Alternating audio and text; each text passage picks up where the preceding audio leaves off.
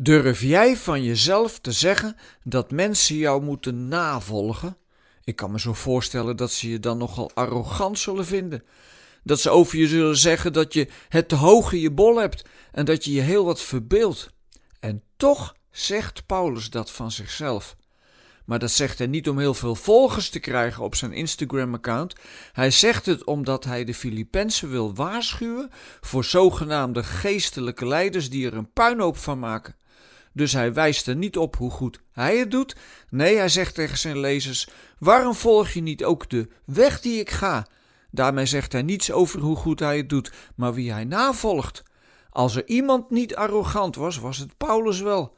Steeds weer wijst hij erop dat als hij maar bij Jezus mag blijven, al het andere hem gestolen kan worden.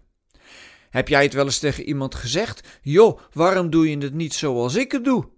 Of heb je daar de moed niet voor? Moet je daar zelf verzekerd voor zijn? Misschien juist wel niet.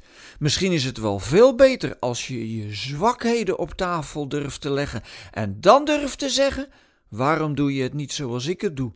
Ik probeer de schijn niet op te houden. Ik ben niet zo sterk, maar ik leg alles bij Jezus neer. Het fijne is dat als je de schijn niet probeert op te houden, het je ook niet kan overkomen dat die schijn opeens wegvalt door een gebeurtenis of door een domme daad. Het is heel bevrijdend als je beseft dat je eigenlijk niets te verliezen hebt. We sjouwen zoveel buitenkant mee. En die moet je dan weer in stand houden door leuke dingen te posten. Best wel vermoeiend.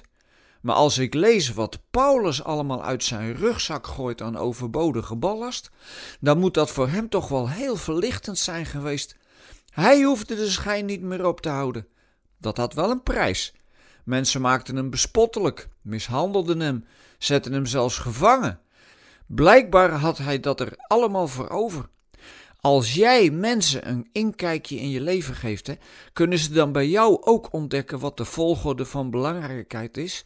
Hoe besmettelijk kun je zijn als je laat zien dat Gods liefde de volgorde van zaken in je leven duidelijk anders maakt dan wanneer je niet uit die liefde zou leven?